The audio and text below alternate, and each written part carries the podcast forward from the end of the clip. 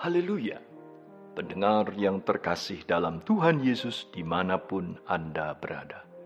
Damai dan sukacita menyertai kita semua.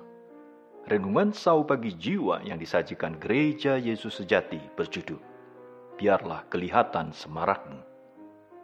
Dalam nama Tuhan Yesus membacakan renungan firman Tuhan. Biarlah kelihatan kepada hamba-hambamu perbuatanmu dan semarakmu kepada anak-anak mereka.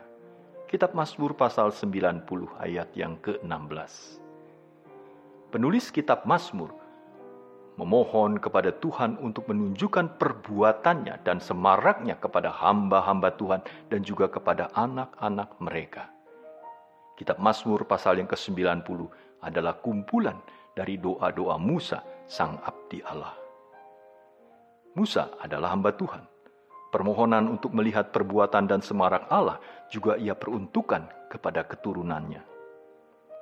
Dengan demikian, doa Musa adalah doa untuk generasi berikutnya, agar mereka dapat memiliki pengalaman pribadi bersama dengan Tuhan.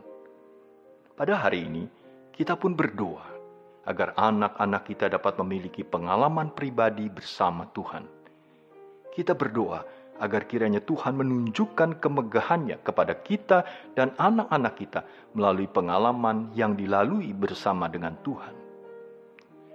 Mengapa anak-anak kita perlu memperhatikan kehidupan rohani mereka bersama Tuhan? Agar mereka dapat memahami bahwa sesungguhnya mereka adalah milik pusaka Tuhan. Pemasmur pernah mencatatkan bahwa sesungguhnya anak-anak lelaki adalah milik pusaka daripada Tuhan Kitab Mazmur pasal 127 ayat yang ketiga. Di dalam bahasa Ibrani, terjemahan harfiah dari anak-anak lelaki adalah anak-anak. Mencakup keduanya, laki-laki dan perempuan. Memang memiliki anak adalah berkat dari Tuhan. Namun, pemazmur mengingatkan bahwa anak-anak sesungguhnya adalah milik pusaka atau warisan daripada Tuhan. Oleh karena itu, sebagai orang tua, kita memiliki kewajiban untuk meneruskan iman kepercayaan kepada anak-anak, sehingga baik orang tua maupun anak-anak dapat berjalan bersama-sama untuk melihat perbuatan dan semarak Tuhan di dalam kehidupan kerohanian mereka sekeluarga. Selain anak-anak adalah warisan Tuhan, Pemasmur juga mengingatkan kita bahwa Tuhan sendiri adalah bagian dari warisan kita dan piala kita. Mazmur pasal 16 ayat yang kelima. Apakah maksud dari Tuhan adalah bagian warisan kita? Perjanjian lama mencatatkan bahwa suku Lewi melayani Allah dan kemah suci. Setelah bangsa Israel berhasil menaklukkan bangsa Kanaan, barulah mereka menempati tanah warisan. Namun, firman Tuhan dengan jelas menekankan bahwa suku Lewi tidak menerima warisan tanah, sebab Tuhanlah yang menjadi warisan mereka. Pengajaran tersebut terdengar begitu abstrak dan membingungkan.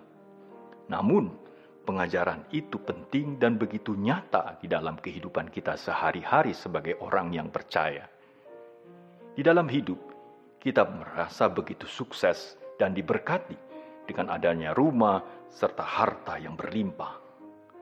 Dalam kondisi demikian, sulit rasanya untuk memahami pengajaran bahwa Tuhan adalah warisan kita, sebab penglihatan kita terhadang dan terbatasi oleh kekayaan materi yang kita miliki. Tanpa adanya pengalaman rohani bersama dengan Tuhan, maka kita maupun anak-anak kita tidak akan pernah tahu betapa berharganya Tuhan bagi kehidupan kita. Jika dibandingkan dengan warisan materi di dunia, Tuhan adalah warisan terindah yang dapat kita nikmati di dalam hidup ini maupun hidup yang akan datang. Inilah iman dan pengalaman rohani yang perlu kita jalani dan wariskan kepada keturunan berikutnya, agar mereka dengan mata mereka sendiri dapat memandang perbuatan ajaib Tuhan dan semaraknya. Tuhan Yesus menyertai kita semua. Amin.